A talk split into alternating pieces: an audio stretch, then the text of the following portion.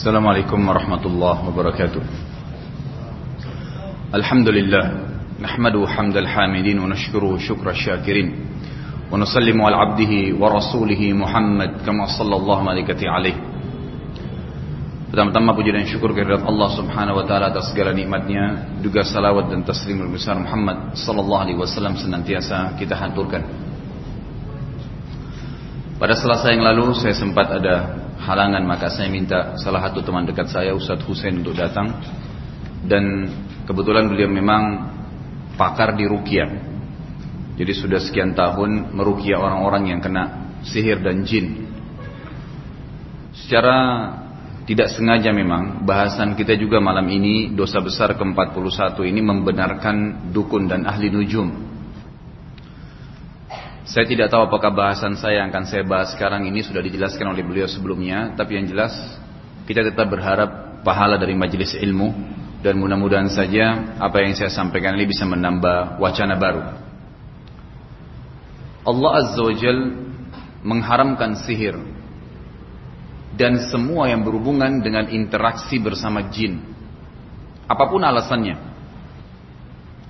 Golongan jin memiliki dimensi waktu yang berbeda serta mereka juga memiliki postur tubuh yang berbeda, umur yang berbeda, makanan yang berbeda.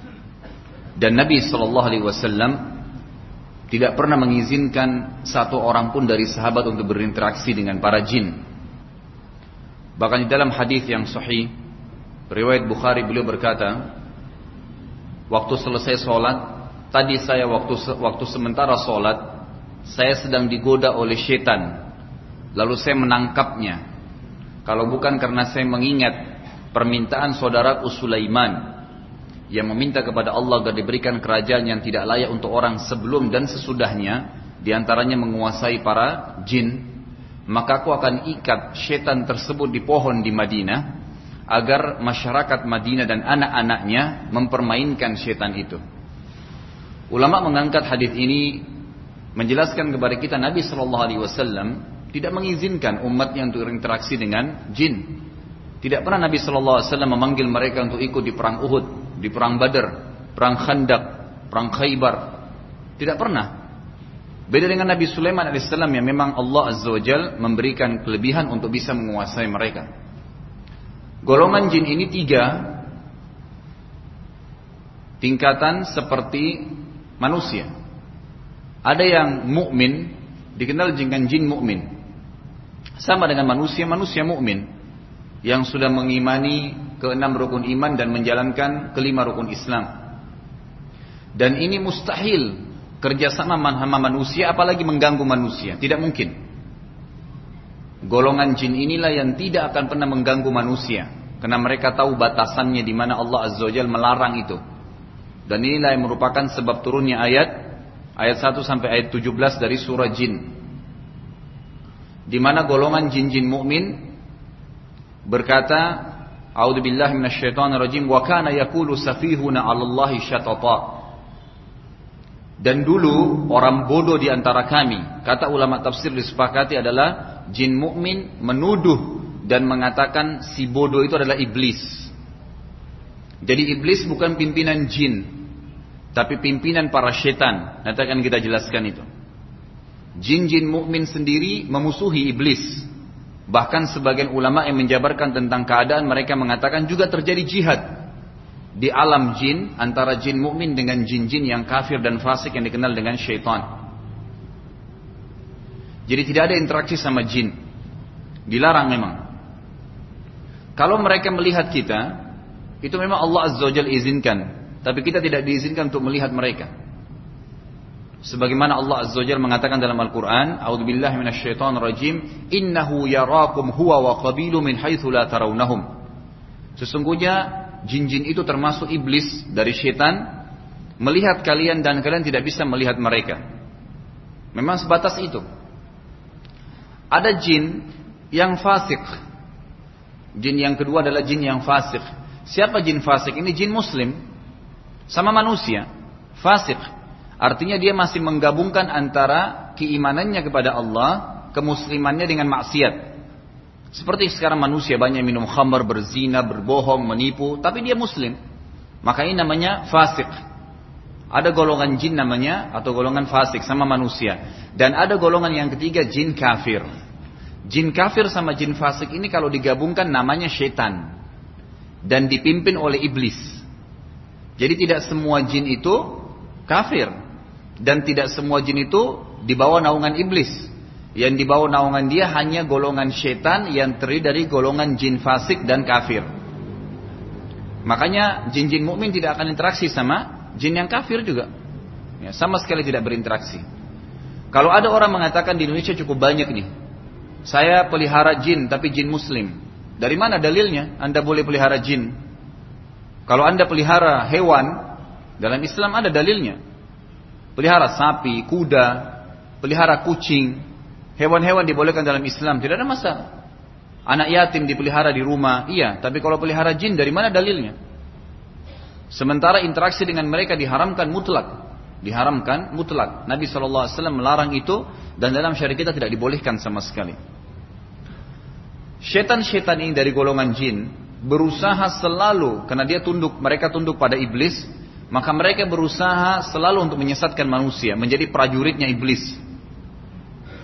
Dan yang paling banyak berinteraksi dengan mereka 99% adalah para ahli sihir Ahli nujum Peramal Semua pakai jin. Nggak ada yang tidak pakai jin. Tapi pakai golongan setan tadi ini. Golongan setan Mereka meminta tolong kepada jin-jin ini Atau setan-setan ini Untuk membantu misi mereka Misinya apa?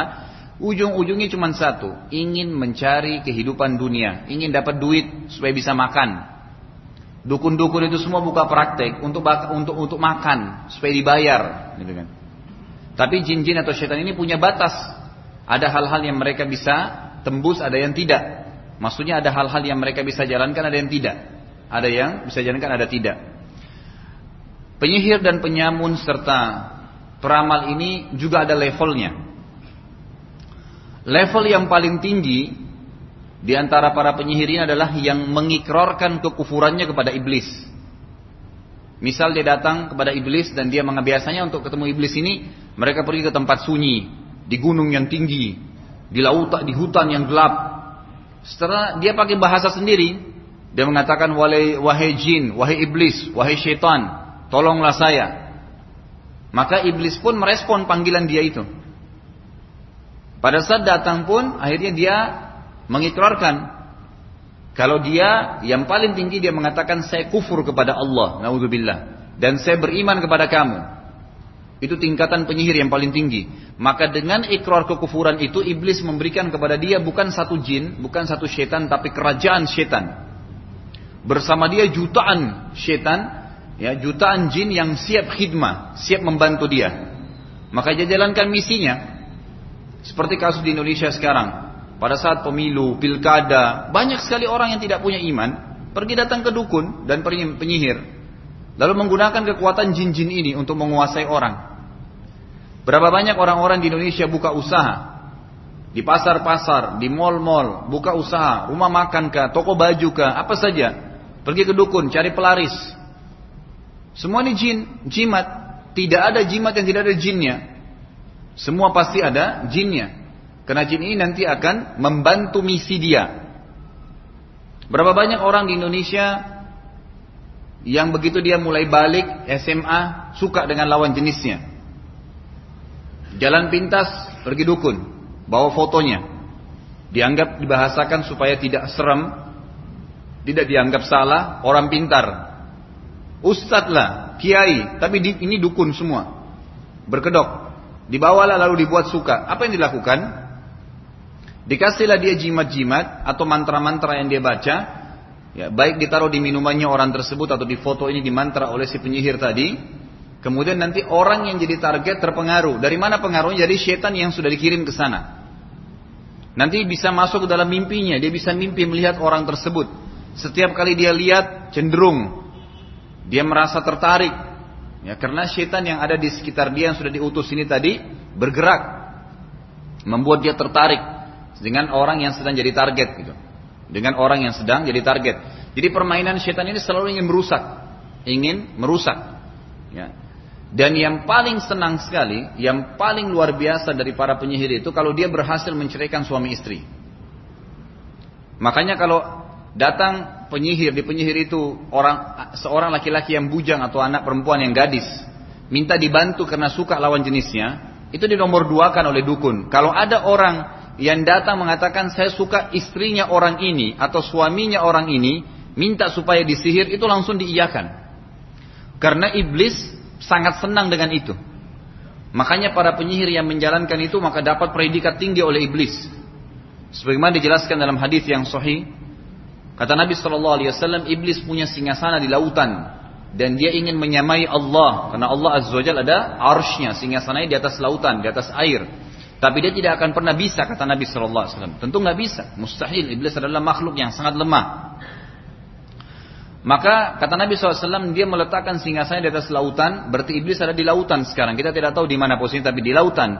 Kemudian setiap hari anak cucunya melapor, saya baru membuat si fulan bohong, saya baru membuat si fulan riba, saya baru membuat si fulan berzina. Sama iblis dianggap biasa, baik disuruh tugas lagi, tugas lagi, terus begitu, nggak pernah berhenti. Sampai datang satu orang anak cucunya mengatakan saya baru membuat suami istri bercerai.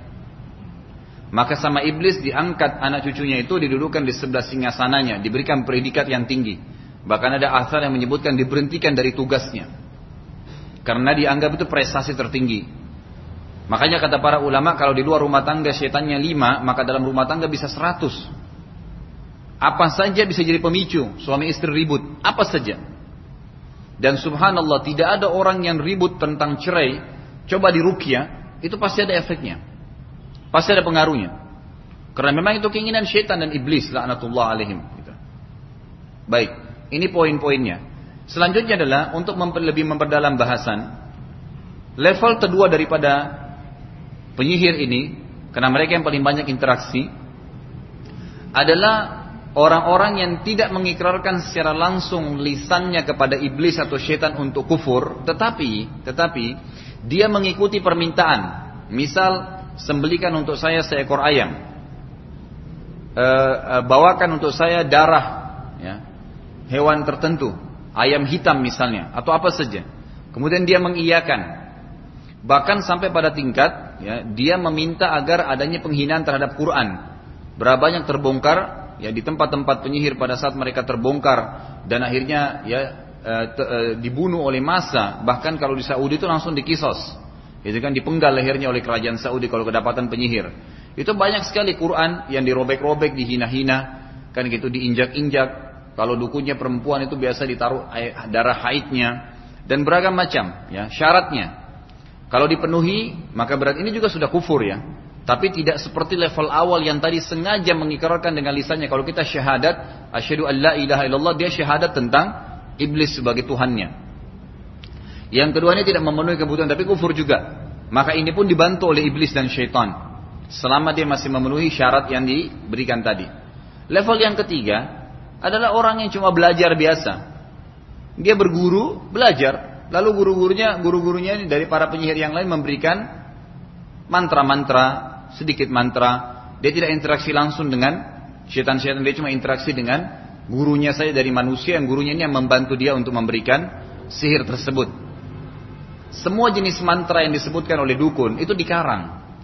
Seperti kalimat sim salabim. Dari mana itu? Itu kalimat ngawur, nggak ada artinya. Kalau antum misalnya mengucapkan kalimat apa saja, diniatkan untuk jadi sihir, maka bisa jadi sihir. Apa saja. Kalau kita sudah niat, misalnya mengucapkan kalimat apa saja, ada lawan jenis lewat, lalu kita niatkan ini kalimat supaya dia tertarik dengan saya. Maka setan yang ada di sekitar kita akan menunggangi keadaan itu. Dan akhirnya menjadikan itu sebagai alat sihir.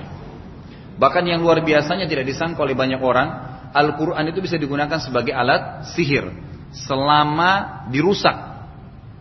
Misal, ditambah satu huruf, dihapus satu huruf, ditambah bahasa daerah, ditambah nama, karena kalau kita hapus sehuruf saja dari Al-Quran sudah bukan Al-Quran lagi. Atau kita tambah satu huruf. Satu huruf saja, apalagi kalau satu kalimat, apalagi kalau nama, apalagi kalau bahasa daerah. Sudah selesai, nggak berfungsi lagi sebagai Al-Quran. Kalau dia dibaca per hurufnya benar, maka secara otomatis akan tergunakan sebagai mukjizat dari Allah Azza wa. Baik, ini level-level para penyihir. Semua penyihir kufur. Semua penyihir kafir. Tidak ada yang tidak kafir kepada Allah Azza wa Jalla.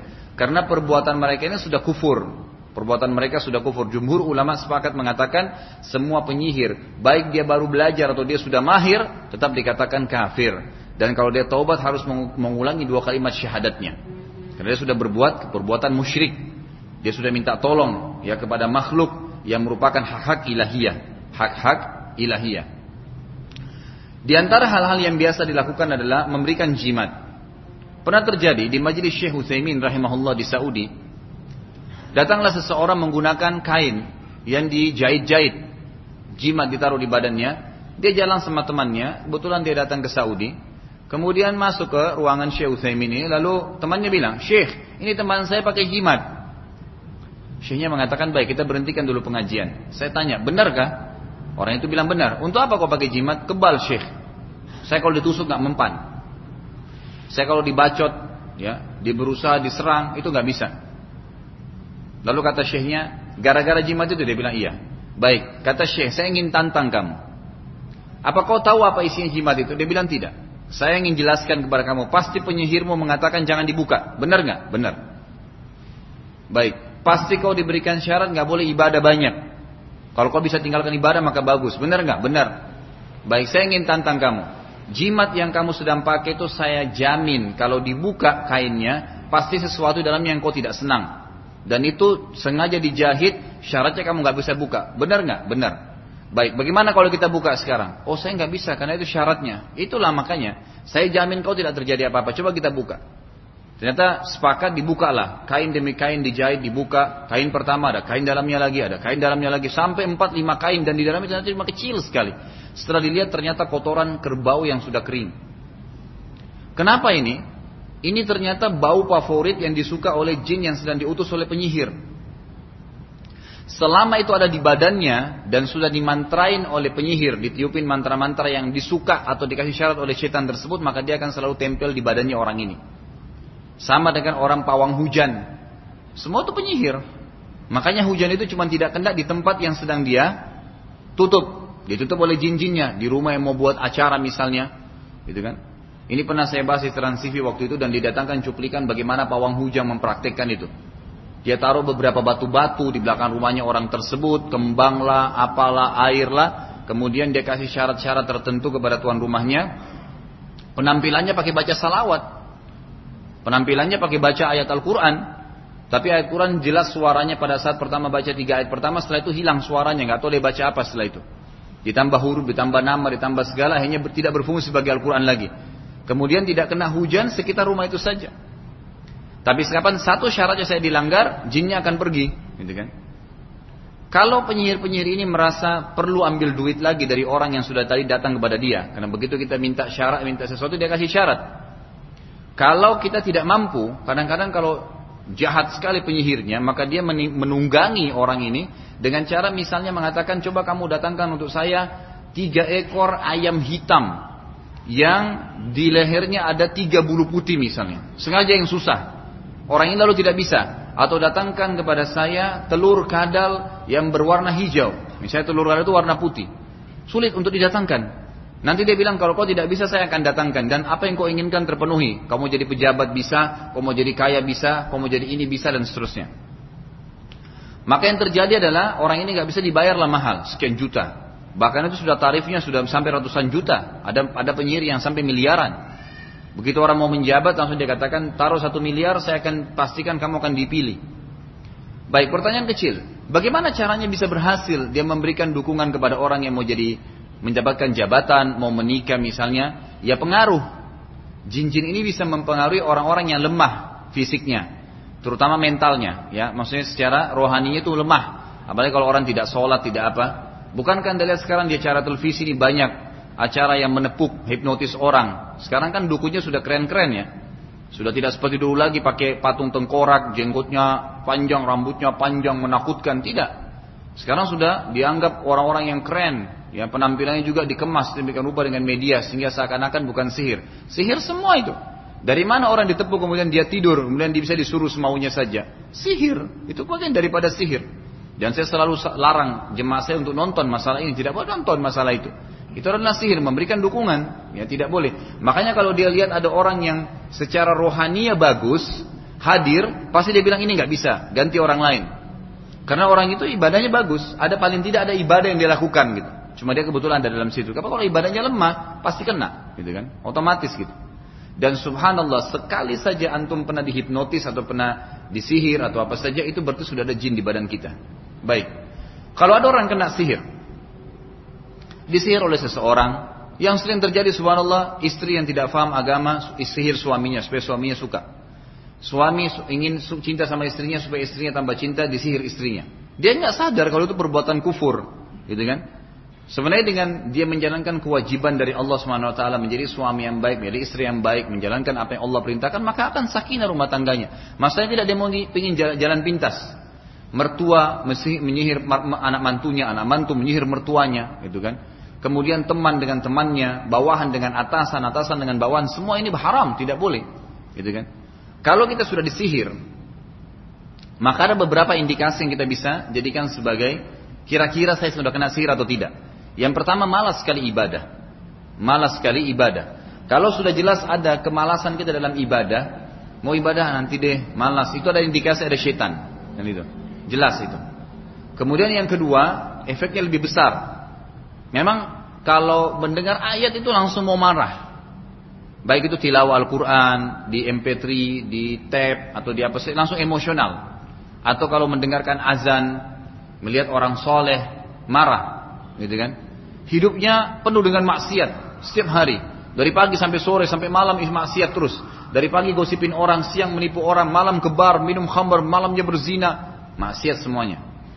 Ini di antara dikasih. Nah yang paling besar itu biasanya memang ya akan terjadi ribut suami istri bercerai, gitu kan?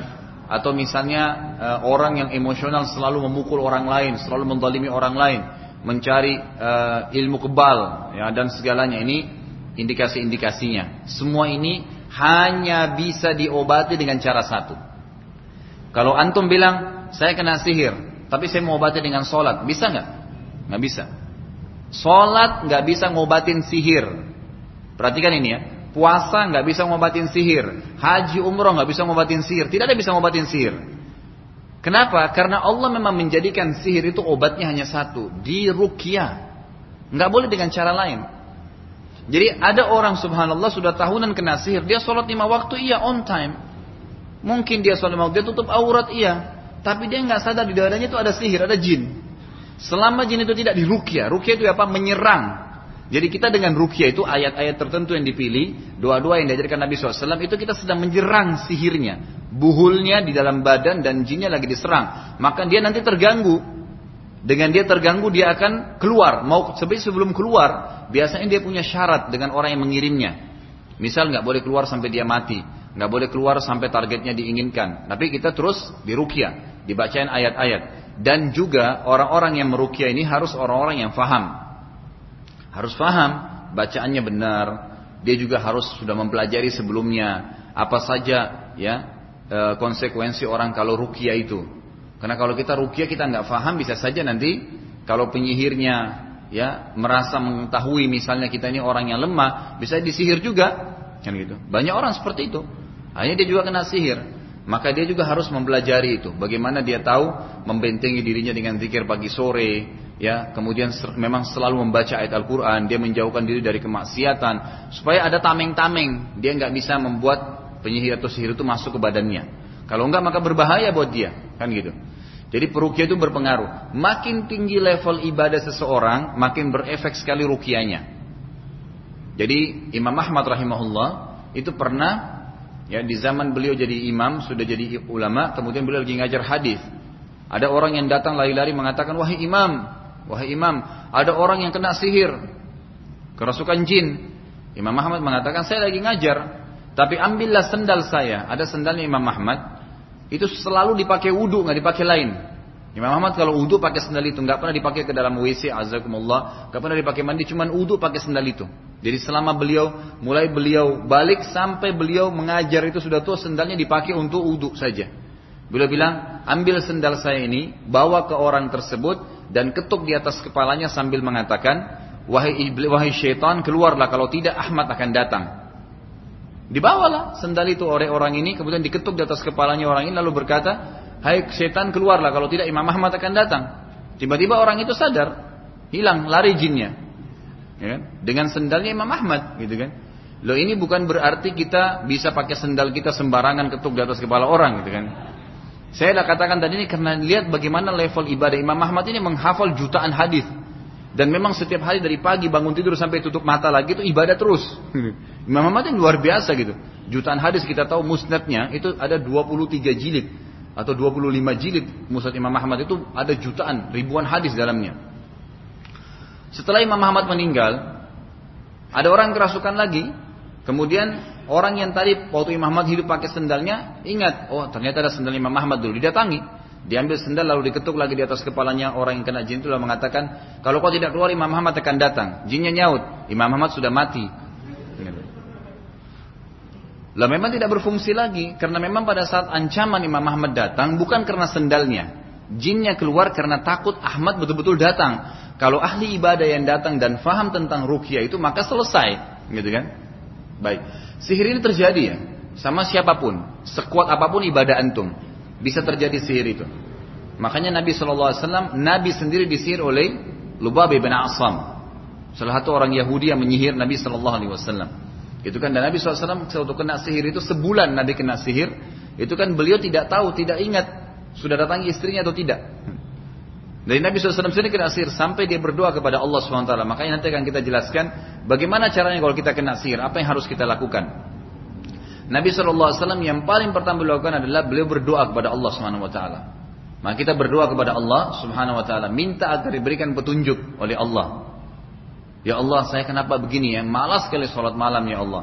Saya kok kenapa begini ya Allah? Senang sekali bermaksiat. Ya Allah, kenapa saya gelisah kalau baca Al-Quran? Berikan petunjuk ya Allah. Apakah ada sihir? Ada jin kah? Kita minta petunjuk. Nabi SAW waktu itu minta petunjuk. Lalu Allah datangkan dalam mimpi beliau dalam hadis Bukhari. Kedatangan dua malaikat. Satu di kepala, satu di kaki. Yang di kepala mengatakan, kenapa orang ini? Yang di kaki beliau SAW berkata, orang ini kena sihir. Yang di kepala yang mengatakan, siapa yang sihir dia? Yang di kakinya mengatakan, uh, Lubab ibn Asam. Lalu yang di kepala mengatakan, apa yang disihir darinya? Yang di kaki berkata, malaikat di kakinya beliau mengatakan, ini rambutnya yang diambil melalui pembantunya yang Yahudi dan potongan sisirnya. Lalu yang di kepala lagi berkata, di mana ditaruh sihir itu? Buhul itu. Itu jadi buhul namanya. Buhul itu adalah alat-alat perangkat yang digunakan oleh penyihir yang sudah dimantra ditaruh jin di situ. Apa saja itu? Daun kah, akar pohon kah, apa saja, rambut manusia, foto, apa saja sudah sudah dimantra oleh mereka maka bisa jadi alat sihir. Maka Nabi SAW berdoa datanglah malaikat ini. Kemudian ditunjukkan di mana ya sihir, di mana ditaruh buhul itu. Malaikat yang di kepala bertanya, yang di kaki mengatakan di sebuah sumur di sukunya di orang Yahudi ini. Ya. Kemudian datanglah Nabi SAW ke sumur tersebut dengan Ali dan Zubair bin Awam radhiyallahu anhuma. Kemudian membongkar sumur tersebut menemukan buhul itu rambut Nabi SAW dan sisinya sedang dililit di batang pohon. Kemudian ditutuplah sumur tersebut dan dimusnahkan buhul itu.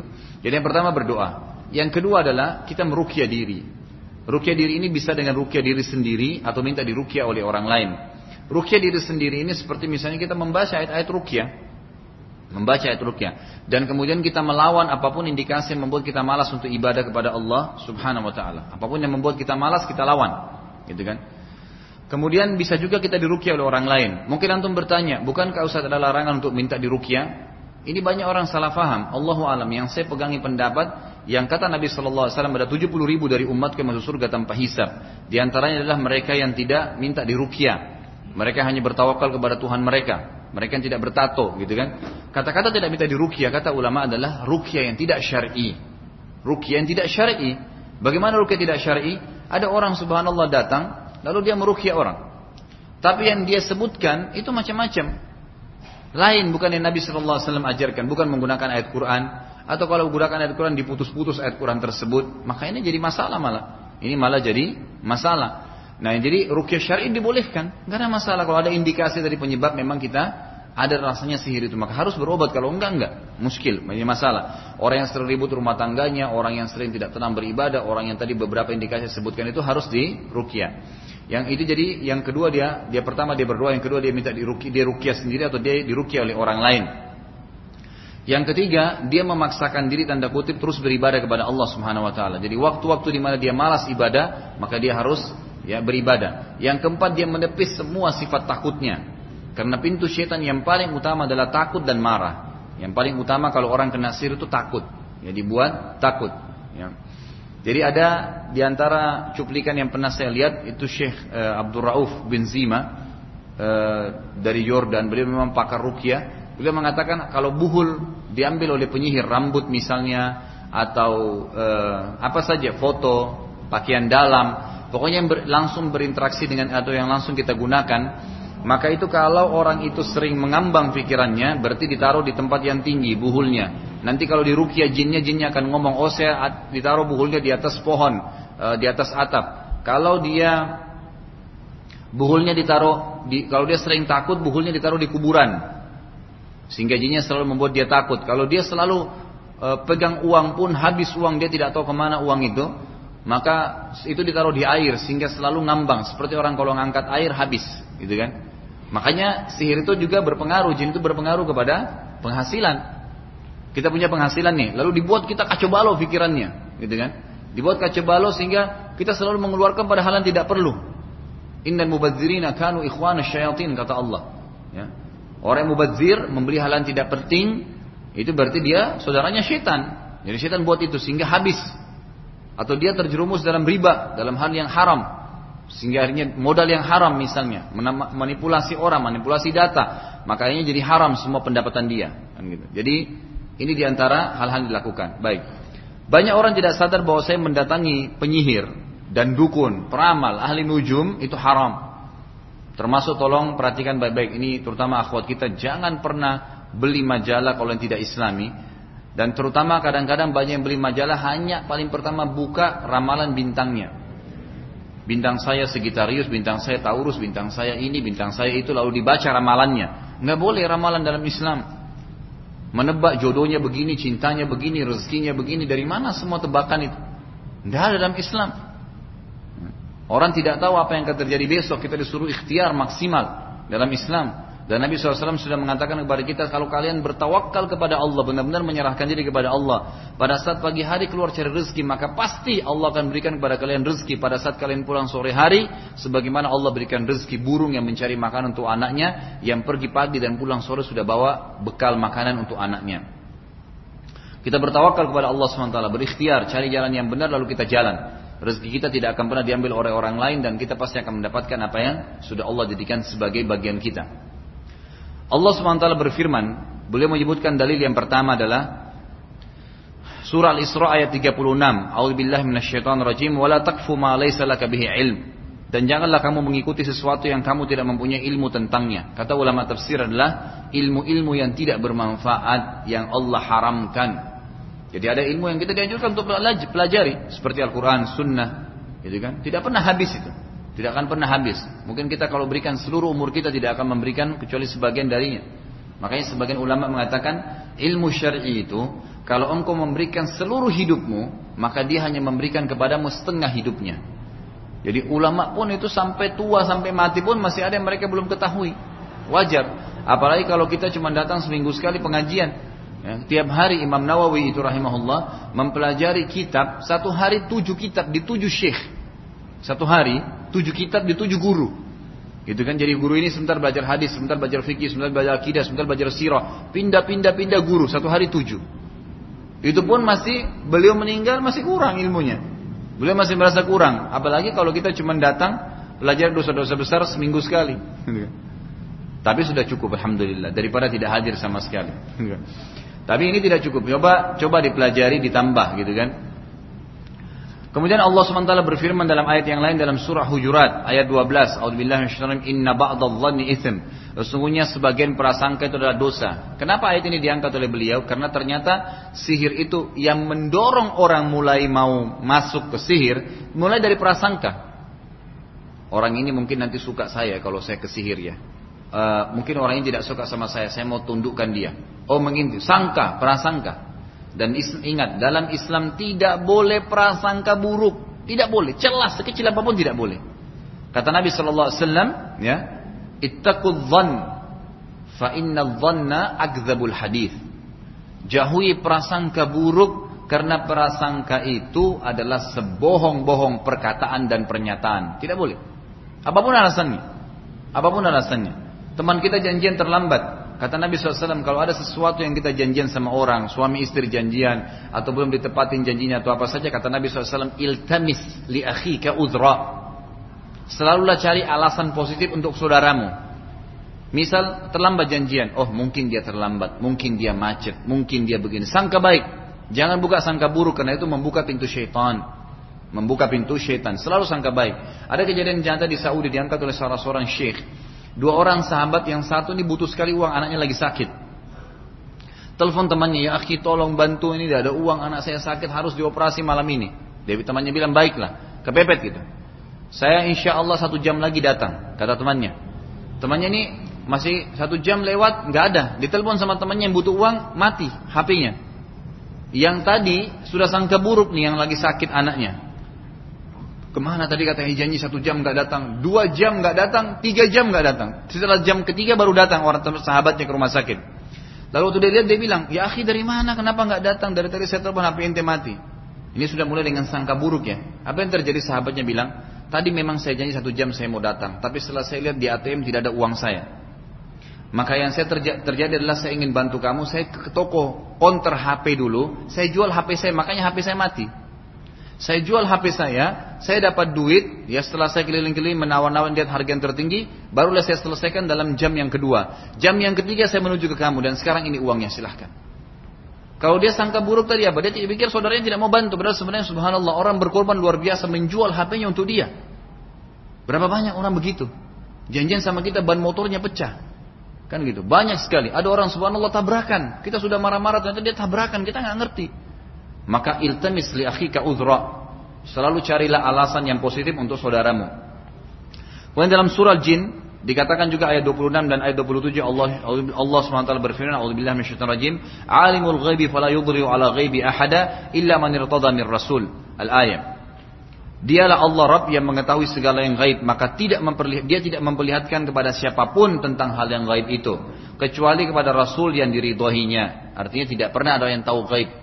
Jin-jin pun itu dalam ayat Al-Quran surah Jin diceritakan mereka susun-susun ke langit untuk mendengarkan berita. Karena dalam hadis Bukhari dijelaskan kalau Allah ingin menjalankan sebuah perintah di bumi besok, Malamnya itu Allah beritahukan kepada Jibril. Jibril beritahukan kepada malaikat di langit ketujuh. Langit ketujuh sampaikan langit keenam. Langit keenam langit kelima. Keempat, ketiga, kedua, ke satu. Nanti malaikat di langit pertama ini semua sambil ngobrol. Besok akan turun hujan di sana. Besok akan mati si fulan. Besok akan begini. Besok akan begitu. Jin-jin ini susun-susun sampai ke langit pertama mendengar. Mencuri informasi. Apa yang mereka curi diambil lalu mereka kembali ke bumi. Kembali ke dukun-dukunnya. Ini loh tadi informasi begini. Tapi itu sebelum Nabi SAW diutus jadi Nabi, mereka leluasa curi informasi, pulang, sampaikan lagi penyihir. Makanya penyihir berkuasa. Setelah Nabi SAW diutus, mereka tidak bisa lagi. Dalam Al-Quran surah Jin mereka mengatakan, ya kan? mereka sudah nggak bisa lagi. Mereka selalu dilempari dengan panah-panah api. Mereka dilempari panah-panah. Tapi ada sedikit di antara mereka yang berhasil mencuri informasi itu. Lalu Nabi SAW mengatakan di dalam hadis yang sahih, ini diriwayatkan oleh Imam Abu Dawud dalam kitab At-Tib bab fi al-kahin yang bunyinya man ata arrafan aw kahinan fasaddaqu bima yaqul faqad kafara bima unzila ala Muhammadin sallallahu alaihi wasallam. Barang siapa yang mendatangi dukun lalu membenarkan apa yang dikatakannya, membenarkan, oh ini saya ramal tanganmu ya, garisnya sekian, berarti jodoh kamu ini umur kamu sekian. Ramal. Dari mana orang bisa ditahu nasibnya dari tangan, dari alis, dari muka. Gitu kan? Kalau dia dari Afrika, kulitnya hitam, bagaimana bisa ditebak, gitu kan? Tapi begitulah orang kejahilan mempercayai sembarangan dukun berbicara gitu. Siapa yang mendatangi tukang penyihir, dukun, peramal, lalu membenarkan apa yang dikatakannya, maka dia telah kafir dengan wahyu yang diturunkan kepada Muhammad sallallahu alaihi wasallam. Kemudian Nabi SAW juga pernah bersabda di suatu pagi yang pada saat itu turun hujan. Di dalam hadis riwayat Imam Bukhari Muslim, Yaqulullah Ta'ala asbaha min ibadi mu'min wa kafir. Man qala mutirna bi fadlillah, fadzalika mu'minun bi wa kafirun bil qawqab. Wa man qala mutirna bi naw'in kada, fadzalika kafirun mu'minun bil qawqab. Allah SWT berfirman waktu itu turun hujan subuh hari ya di Madinah. Lalu Allah uh, menyampaikan melalui Nabi SAW dan hadis Qudsi. Di antara hamba-hambaku ada yang tiba pada pagi hari ini, mukmin, ada yang kafir. Barang siapa yang mengatakan kita diturunkan hujan semalam karena karunia Allah, maka dia adalah orang yang mukmin kepadaku dan dia kafir kepada bintang-bintang.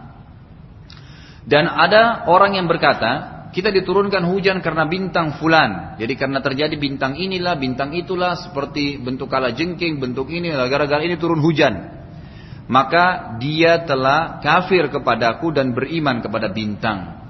Artinya memang turun karena Allah Azza wa Jalla. Nggak ada hubungannya. Gitu kan? Lalu dikatakan dalam hadis yang lain juga di riwayat Imam Muslim, "Man ata ar-raman fasalu an syai'in fasaddaqa wa lam tuqbal lahu salatun arba'ina yauman." Barang siapa yang datang kepada tukang dukun peramal dan yang sejenisnya, lalu bertanya padanya tentang sesuatu dan membenarkannya, maka dia tidak diterima darinya sholat selama 40 hari. Dan sudah pernah saya jelaskan ini, 40 hari ke belakang, bukan ke depan. Jadi jangan lagi ada pertanyaan sebentar habis Isya, Ustaz saya masih sholat nggak? Gitu kan? Ya tetap sholat, karena bukan ke depan, tapi 40 hari ke belakang hilang sholat antum karena ke dukun. Jadi nggak usah datang aja majelis ilmu, gitu kan? Lebih baik ustaz yang didatangin. Kemudian hadis yang terakhir diangkat oleh beliau adalah hadis sahih riwayat Abu Daud, "Man iktabasa syu'batan minan nujum iktabasa syu'batan minas sihr." Barang siapa yang mengambil sesuatu dari ilmu nujum, ramalan-ramalan, maka dia telah mengambil sesuatu dari jenis ilmu sihir. Jadi sihir itu banyak sekali, gitu kan? Maka dia telah mempelajari ilmu sihir, artinya dia telah melakukan perbuatan yang diharamkan dalam agama kita. Allahu a'lam. Sudah masuk Isya? Tiga menit lagi. Baik. Di antara hal-hal yang harus diperhatikan juga berhubungan dengan masalah sihir. Banyak sekali orang yang sering menerima kertas-kertas. Kertas itu tulisan bahasa Arab. Ini semua hati-hati. Al-Quran saja, kalau ditulis dengan benar, lalu ditempel di dinding rumah, tetap tidak bisa mengusir setan. Misal ada orang punya ayat kursi 10 kali 10 meter dipasang di dindingnya. Bukan lagi lukisan kecil, besar, satu dinding semuanya. Apakah bisa ngusir setan? Jawabannya tidak. Setan tetap bisa bertengker di situ. Kapan setannya lari? Kalau dibaca. Ini sekaligus membantah ada orang yang sering bawa Quran kecil dijadikan sebagai jimat. Saya sering mengatakan dari mana anda tahu itu Quran? Bisa baca nggak? Pakai kaca pembesar aja belum tentu bisa kita baca, gitu kan? Tidak tahu benar nggak tulisannya itu. Banyak sekali tersebar jadikan sebagai jimat. Itu nggak benar. Dari mana? Nabi SAW tidak pernah menggantungkan ayat Quran yang tertulis di kulit unta itu di ya di perut beliau misalnya di badan beliau untuk memberikan kekebalan waktu perang Uhud perang Badar nggak ada. Sahabat kalau mati ya mati syahid selesai. Nggak ada namanya ilmu kebal gitu kan. Dan subhanallah pengalaman teman-teman yang biasa rukyah yang sudah pernah belajar ilmu-ilmu kebal itu pasti ada jinnya. Di rukyah pasti ada jinnya. Dia teriaklah, dia muntahlah gitu kan. Banyak sekali terjadi masalah itu. Maka jauhi masalah ini. Di Indonesia insya terlalu, terlalu gampang. Ini, mempelajari ilmu tenaga dalam. Tidak perlu tenaga dalam, akhi. Untuk apa tenaga dalam? Mau pukul orang dari jauh. Kalau ada Nabi SAW sudah lakukan. Nggak usah kutus pasukan. Tenaga dalam itu kan enak. Dari jarak jauh 100 meter, pukul orang jatuh semua. Ya, nggak usah kita perang bacot-bacotan Allahu Akbar takbir untuk apa?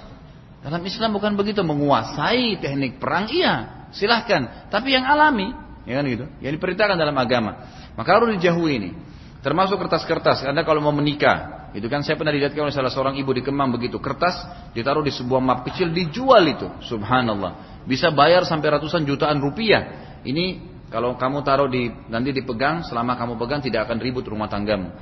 Waktu saya jelaskan masalahnya di pengajian saya itu, kemudian ibu itu keluarkan Ustaz ini yang saya pegang. Dia sudah lama menikah dan tidak pernah ribut rumah tangganya. Dia pertama percaya seakan-akan dari kertas itu. Saya bilang bukan. Ibu tidak bertengkar karena ibu menjalankan kewajibannya ibu. Suami ibu juga menjalankan kewajiban. Semua sama-sama membangun rumah tangga dengan cinta. Maka tidak ada masalah. Tapi bukan kertas ini. Begitu saya buka sama semua standarnya. Kalau mereka menggunakan jin-jin muslim. Maka untuk mengelabui orang pakai bahasa Arab. Huruf hijaiyah dibolak-balik. Gambar pedang, gambar bintang. Tulisan ini macam-macam. Nanti di bawahnya ada nama-nama ashabul kahfi. Nama-nama ini, nama-nama itu. Saya pernah temukan itu berapa kali. Ditulis dalam bahasa bahasa tulisan Arab tapi bahasa Indonesia. Ini namanya tujuh orang ashabul kahfi dan ini nama anjingnya, gitu kan? Namanya fulan, fulan, fulan. Tidak ada nama itu. Tidak pernah disebutkan dalam buku tafsir atau ayat Al-Quran tentang nama tujuh orang ashabul kahfi. Tapi di karang-karang sama dia ternyata nama-nama jin. Dia tidak sadar nama-nama jin, gitu kan? Maka hati-hati ini.